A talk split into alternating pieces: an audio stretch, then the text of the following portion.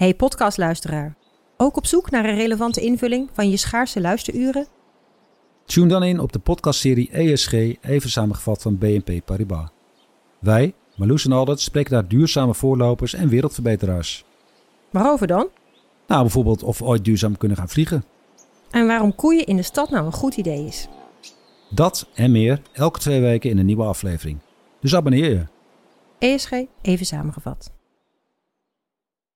Ik ben al jaren ondernemer, maar waar moet ik eigenlijk allemaal aan denken nu ik voor het eerst personeel wil aannemen, voor het eerst ga importeren of voor het eerst een bedrijfslocatie zoek? Weet wat je wel of niet moet doen bij zaken die je voor het eerst oppakt. Check kvk.nl voor praktische stappenplannen. KVK, hou vast voor ondernemers.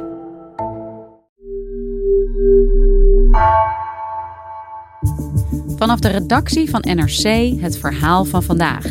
Mijn naam is Floor Boon.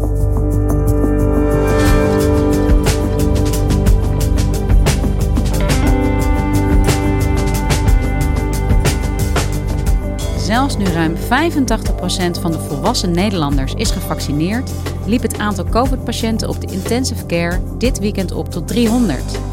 Ziekenhuizen vrezen een verdere toename en andere zorg wordt weer noodgedwongen uitgesteld. Zorgredacteur Frederik Weda onderzocht hoe het kan dat niet alleen de IC's, maar de hele zorg nu weer zo snel vastloopt.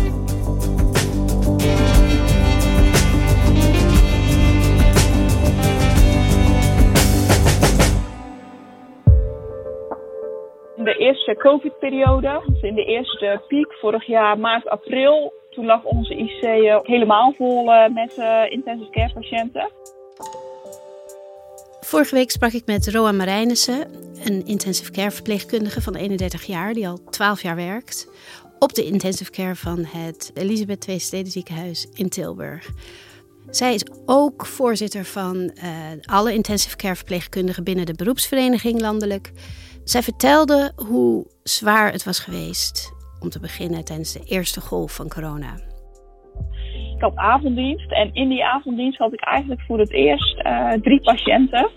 Ja, dat was bij mij wel een moment dat ik dacht van oh, hoe, hoe lang houden we dit nog met elkaar uh, vol? En ik ben blij dat we de avond uh, met elkaar overleefd hebben. Normaal is een uh, intensive care een hele rustige plek. Het is heel stil. Er liggen gewoon een paar mensen in, uh, in bed. En uh, je hoort eigenlijk alleen gezoem van apparaten en af en toe een piepje van een infuus. En er lopen allemaal hele rustige verpleegkundigen rond en enkele arts. Normaal heeft zo'n IC-verpleegkundige één of twee patiënten onder haar hoede of zijn hoede. En daar hebben ze alle tijd voor. Maar nu hadden ze dus opeens drie patiënten onder hun hoede die echt heel erg ziek waren. Het was een stressvolle periode voor heel veel verpleegkundigen. Um, dat je eigenlijk zo druk bent in je hoofd en dat je ja, van de ene patiënt naar de andere patiënt uh, gaat. Er zit dan zo ontzettend veel uh, wat je moet observeren ook. Je observeert de bloeddruk, je observeert de ademhaling, uh, je moet medicijnen geven. Je hoofd zit continu vol en daardoor heb je echt absoluut het gevoel dat je soms je patiënten tekort doet.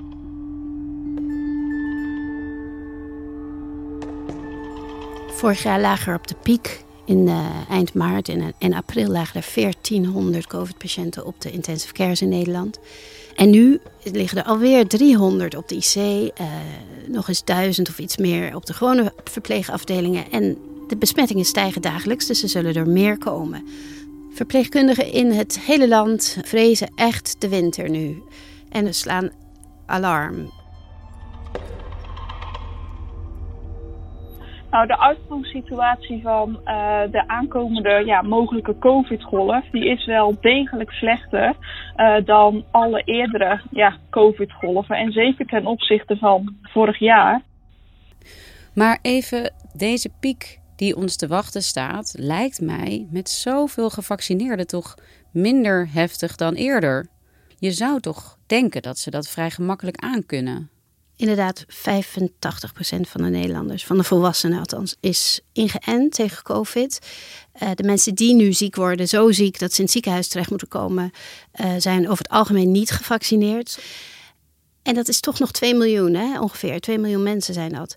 Dus als er in die gebieden waar die 2 miljoen mensen wonen hele grote uitbraken zijn van COVID, ja, dan, uh, dan worden er toch te veel mensen ziek. Dan loopt de IC toch weer vol. En de, en de verpleegafdelingen zeker, ja. Overal hoor je nu dat het ministerie wel van plan is om het aantal IC-bedden te gaan opschalen naar 1350, geloof ik. Gaat dat dan nog iets oplossen? Ze zeggen dat 1350 niet gaat lukken. Dat zeggen de verpleegkundigen, dat zeggen nu ook de intensive care artsen. 1150 is al heel goed als dat lukt. Uh, het zijn momenteel maar iets van duizend bedden. IC-bedden dan. Um, ze hebben echt te weinig mensen. Roan in Tilburg uh, ziet ze ook dat veel IC-verpleegkundigen, maar ook andere verpleegkundigen vertrekken. Omdat ze dus uitgeplust zijn of elders werk kunnen vinden. En zich gewoon niet gehoord voelen soms. Nou, wat ik terughoor is met name de hoge werkdruk. Maar ook de arbeidsvoorwaardelijke aspecten. En daar hoort dan ook een stukje financiering bij. Maar ook werk-privé-balans, uh, wat totaal uit balans is als je heel lang heel hard moet werken en, uh, en je krijgt heel veel waardering daarvoor, is het, is het oké. Maar als je het gevoel hebt dat het eigenlijk niet gezien wordt en alsmaar van je verlangd wordt, dan uh, is dat zwaar. Ja, dus we hebben eigenlijk veel minder mensen. Minder personeel, minder verzorgers. Dat voelt eigenlijk heel tegen natuurlijk in een tijd, in een midden in een pandemie, waarin je toch verwacht dat er ook is ingespeeld op wat er gaat komen. En dat we dus nu met minder mensen zitten. Ja, dat is ook echt, echt een fout eigenlijk geweest. Uh, dus ik weet niet of het iemand aan te rekenen is, maar de ziekenhuizen waren zo druk, steeds met handen, dat noemen ze handen aan het bed. Hè? Dus met alle mensen die ze hadden uh, bij, de, bij de bedden van de patiënten in te zetten, dat ze weinig tijd hadden om nieuwe mensen op te leiden. Ze doen het wel, maar dat kost ook heel veel tijd. Je wordt niet zomaar verpleegkundige of operatieassistent. Je moet veel oefenen. Dus de, ja, er was eigenlijk een heel schaars opleidingscapaciteit. Nou, en dat wreekt zich nu vooral ook omdat er dus veel mensen vertrekken. Het saldo is dus lager. Dat uh, maakt het alleen maar zwaarder voor de mensen die achterblijven en die wel het werk doen. Ja, want we kunnen het ons allemaal wel voorstellen, denk ik, dat als je heel hard aan het werk bent en er is geen einde in zicht en je wordt constant een beroep op je gedaan dat je daarvoor nou ja, gewaardeerd, gecompenseerd ook wil worden. Uh, en dat er op een gegeven moment gewoon een natuurlijke grens is, dat het niet langer gaat. Absoluut. En die, is dus, die, die bereiken ze nu, die grens. Dat merk je. Er is dus hoog ziekteverzuim. Mensen melden zich echt lange tijd ziek. Maar ook, en anderen vertrekken. Die, die zeggen gewoon, ja, sorry, doe het gewoon niet meer. En waarom zou ik eindeloos buffelen? Uh, terwijl in de, buiten, in de buitenwereld worden we vaak uitgescholden hè, door inmiddels door allerlei uh, anti-vax of anti-corona uh, mensen. Zelfs op de afdelingen worden we bedreigd soms. Dus waar, door, door families. Dus waarom zouden we? Ja, er zijn ook families die mogelijk niet geloven in COVID of die niet gevaccineerd willen worden, die moeite hebben met de huidige bezoekmaatregelen. Um, ja, en dat, dat geeft een hoop onrust uh, op de afdeling. Ze zijn boos op de verpleging, of op de verpleegkundigen, boos op de secretaresse, omdat ze niet de IC op mogen. Um, dat, is, dat is niet fijn. Zelfs Roan, een toegewijde vrouw, heeft het echt zwaar. En heeft ons dat ook verteld vorige week in ons gesprek dat verbaasde me. De, de, de PR-saus die eigenlijk vaak over de zorguitlatingen hangt, die was helemaal weg. Ze heeft het zwaar en uh, ze begrijpt dus al haar collega's die dat ook zo voelen. Dat is zo lastig op dit moment. Oh. okay, Want als ik morgen een nieuwe baan heb, dan uh, ben ik weg. Oh. oh, jeetje, wat was dit mooi. Ja, ik, ik ben er ook zo klaar mee. Weet je, we zijn al anderhalf jaar aan het roepen en het verandert niks. Ja, jeetje, als je dit zo hoort, dan denk je toch, waar blijft die waardering? Waar blijft dat geld? Waar blijft de oplossing om die mensen ja, te, behouden? Ja, dat vragen heel veel mensen zich af. Zijn er ook andere oorzaken aan te wijzen, behalve uh, de verpleegkundigen die weglopen? Meer structurele problemen in hoe de zorg is ingericht? De Nederlandse zorg is heel uh, eerlijk verdeeld, hè, heel solidair. Iedereen krijgt alles vergoed. Of je nou rijk bent of arm, uh, iedereen krijgt alles. Maar dat, dat is dus ook heel duur. Um, en dat is dus niet in alle landen hetzelfde. In Amerika krijgt niet iedereen, hè, dan moet je verzekerd zijn. En, en in Engeland is het ook niet allemaal e even eerlijk verdeeld. Maar Nederlandszorg is, is, is uh, heel eerlijk, maar dus wordt ook heel efficiënt gerund daardoor. Ze zullen je echt geen seconde te lang in het ziekenhuis laten liggen, want dat kost heel veel geld. Dus ze, zullen ze ook nooit bedden zomaar open laten staan. Hè? Um, dus eh, er zijn er vrij weinig per hoofd van de bevolking. Duitsland heeft er veel meer, Amerika heeft er ook veel meer, Israël heeft er ook veel meer. En ze laten in die landen mensen dus ook veel langer op de IC liggen. Dus het leidt er allemaal toe dat wij relatief weinig intensive care bedden hebben. We hebben het nu heel erg specifiek over die intensive care, maar COVID-patiënten komen ook op andere verpleegafdelingen terecht. Spelen deze kwesties ook op andere plekken in de zorg. Ja, het gaat dus ook niet alleen verkeerd nu op de, op de IC's. Hè. Daar is altijd veel aandacht voor, omdat daar hè, de echte kwestie van leven en dood is. Dat vinden mensen heel uh, dramatisch en dat is het soms ook. Maar het speelt in de hele zorg. Overal is een tekort aan gespecialiseerd personeel. Er zijn te weinig dokters, assistenten bij de huisartsen. Er zijn te weinig huisartsen zelfs nu allerlei gespecialiseerde verpleegkundigen, mensen met een opleiding toch wel van zes jaar in totaal, uh, zijn er te weinig.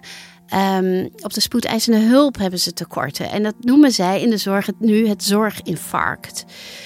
Als er te weinig is van alles, dan loopt alles overal vast. Paul Stuart is spoedeisende hulparts in Rotterdam, in Sint-Franciscus gasthuis. En hij uh, heeft samen met uh, een aantal andere spoedeisende hulpartsen vorige week een brief geschreven aan het demissionair kabinet, waarin ze zeggen: joh, het loopt nu al de spuigaten uit op de spoedeisende hulp. Veel media-aandacht gaat uit naar het tekort aan bedden op de intensive care, op de IC. Het probleem is echter wel groter dan dat. Het traject voor en na de intensive care is nu al volstrekt overbelast. De meeste ziekenhuisopnames lopen namelijk via de spoedeisende hulpafdeling. Het is te druk um, en, en ook hier is personeel weer overbelast. Uh, dus wees gewaarschuwd. We zullen op een gegeven moment uh, ja, of mensen moeten weigeren of hè, dus patiënten moeten weigeren. Of, of het personeel gaat weer overspannen raken. Dus ja, ook daar is de druk heel hoog. Het zijn afdelingen die zijn uh, relatief klein. Hè, 12 tot 20 bedden of zo. Um, dus als je daar patiënten hebt die niet kwijt kunt, die niet uit kunnen stromen, dan is het letterlijk vol. Um, en dan gaat de kwaliteit van zorg omlaag. Er zijn nu zelfs de afgelopen weken mensen over, die hebben moeten overnachten op de spoedeisende hulp. Dat is echt absurd. Um, daarvoor is de spoedeisende hulp helemaal niet. Als je als patiënt bijvoorbeeld s'avonds om 12 uur wordt je, wordt je binnengebracht uh, door de ambulance dienst.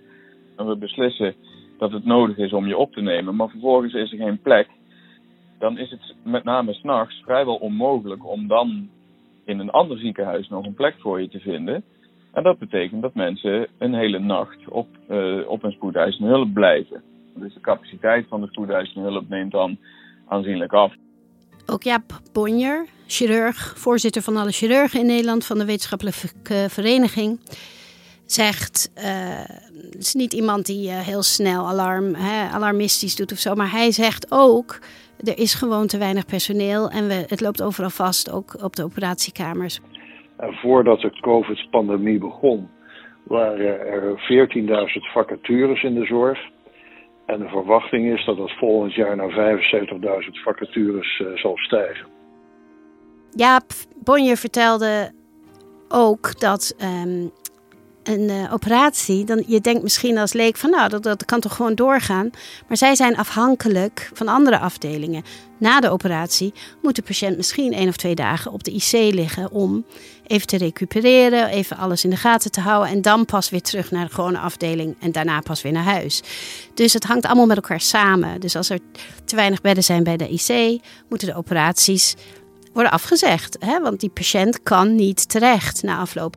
Alle spelers in de gezondheidszorg zijn van belang. Dus het gaat niet alleen om uh, verpleegkundigen op de intensive care, maar ook op de spoedeisende hulp, uh, verpleegafdeling, de operatieafdeling, mensen die werken uh, bij de radiologie. En helaas hebben we op al die afdelingen die, die ik net noemde, hebben we grote tekorten. En zo heeft het, hebben alle afdelingen in het ziekenhuis eigenlijk met elkaar te maken. Het is niet alleen in de chirurgie en in het ziekenhuis. Het is in de hele, dat noemen ze de keten in de zorg, is het aan de orde, de tekort. En, en de vraag is heel groot overal naar, naar zorg. Een oud iemand die van de trap valt thuis en zijn heup breekt of iets anders breekt, komt uh, met de ambulance in het ziekenhuis, of, hè, op de spoedeisende hulp terecht. Moet daar uh, ofwel opgenomen worden in het ziekenhuis, daar moet er dus plek voor zijn. En als ze weer genezen is of her, enigszins hersteld en klaar, moet hij weer naar huis of naar een verpleeghuis. Maar ja, verpleeghuizen zitten ramvol. En thuis is er niemand om voor ze te zorgen, want bijvoorbeeld de partner is al overleden, of ze zijn gescheiden, of de kinderen wonen heel ver weg. Dus dan ben je aangewezen op thuiszorg. En er is dus ook weer een tekort in de thuiszorg aan personeel. Dus het gaat heel vaak goed, maar het gaat ook te vaak niet goed door de tekorten. Frederik, we zitten in november. Eh, de ziekenhuizen lopen wel vol, eh, maar de piek is zeker nog niet op zijn hoogst. Als we even de seizoenseffecten meetellen. Hoe kan er nou voor worden gezorgd dat de druk op die ziekenhuizen niet helemaal tot het kookpunt komt dit keer? Om te beginnen zou je toch weer hè, maatregelen moeten hebben. die worden waarschijnlijk ook wel ingevoerd, die enigszins de verspreiding van het virus dempen.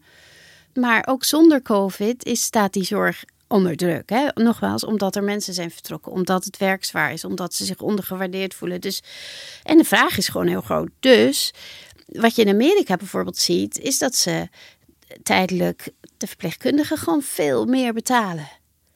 Gewoon geld er tegenaan gooien. Geld er tegenaan. En dan zegt hier iedereen, ja, maar dat kan toch niet? Want dan zit je met de CAO en dan ben je over vijf jaar nog veel meer geld kwijt, et cetera. Maar ja, je kunt best afspreken dat je tijdelijk een half jaar, zeg maar, uh, even fors bijbetaalt. Of om het gewoon maar aantrekkelijk te, te maken voor die mensen.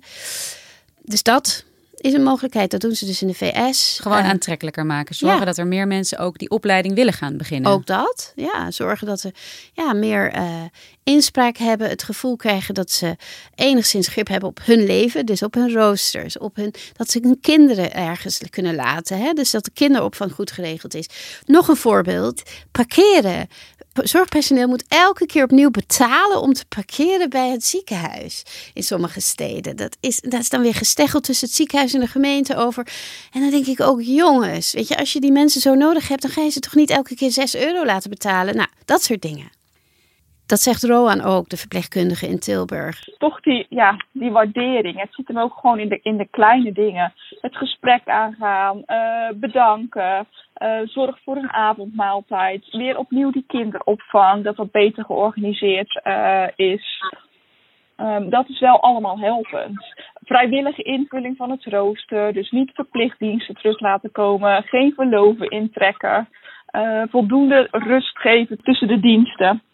Wat zou jij hen oproepen om te doen als je het hebt over het oplossen op de lange termijn?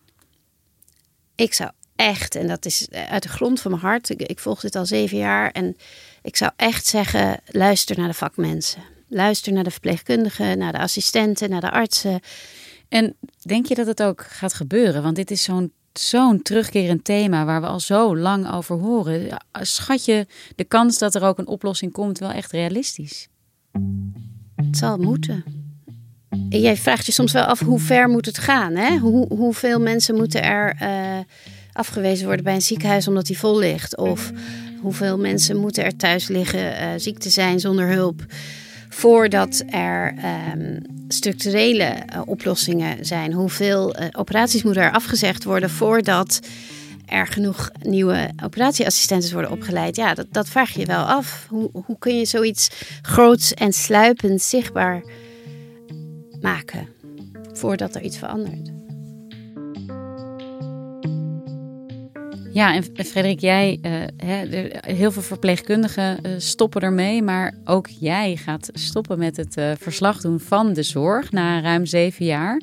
Hoe is dat ineens om ja, deze portefeuille, zoals we dat dan in de journalistiek noemen, vaarwel te zeggen? Ja, heel heftig. Ik moet het echt loslaten. Ja, ik zal het nog heel lang volgen. En ja, ik heb nog steeds enorm veel respect en waardering voor al die mensen in het veld die keihard werken. Ehm, maar goed, voor mij was het gewoon tijd om iets anders te gaan doen. Speelt corona daar nog een rol bij? Ja, we hebben echt nog nooit zo hard gewerkt, zelf ook al in de afgelopen twee jaar, als in de afgelopen twee jaar. En wat ga je nu doen? Onderwijs. Onderwijs. Scholen, studenten, ja. Ook een publieke zaak. Publieke zaak, ja. Waar ook heel erg veel uh, oplossingen te bedenken zijn. Zeker. Meteen weer leraren tekort voor, voor de kiezen. Uh, dankjewel Frederik voor ja, je, al je zorgverslaggeving. Uh, en we zien elkaar bij een volgende podcast over het onderwijs. Geen dank.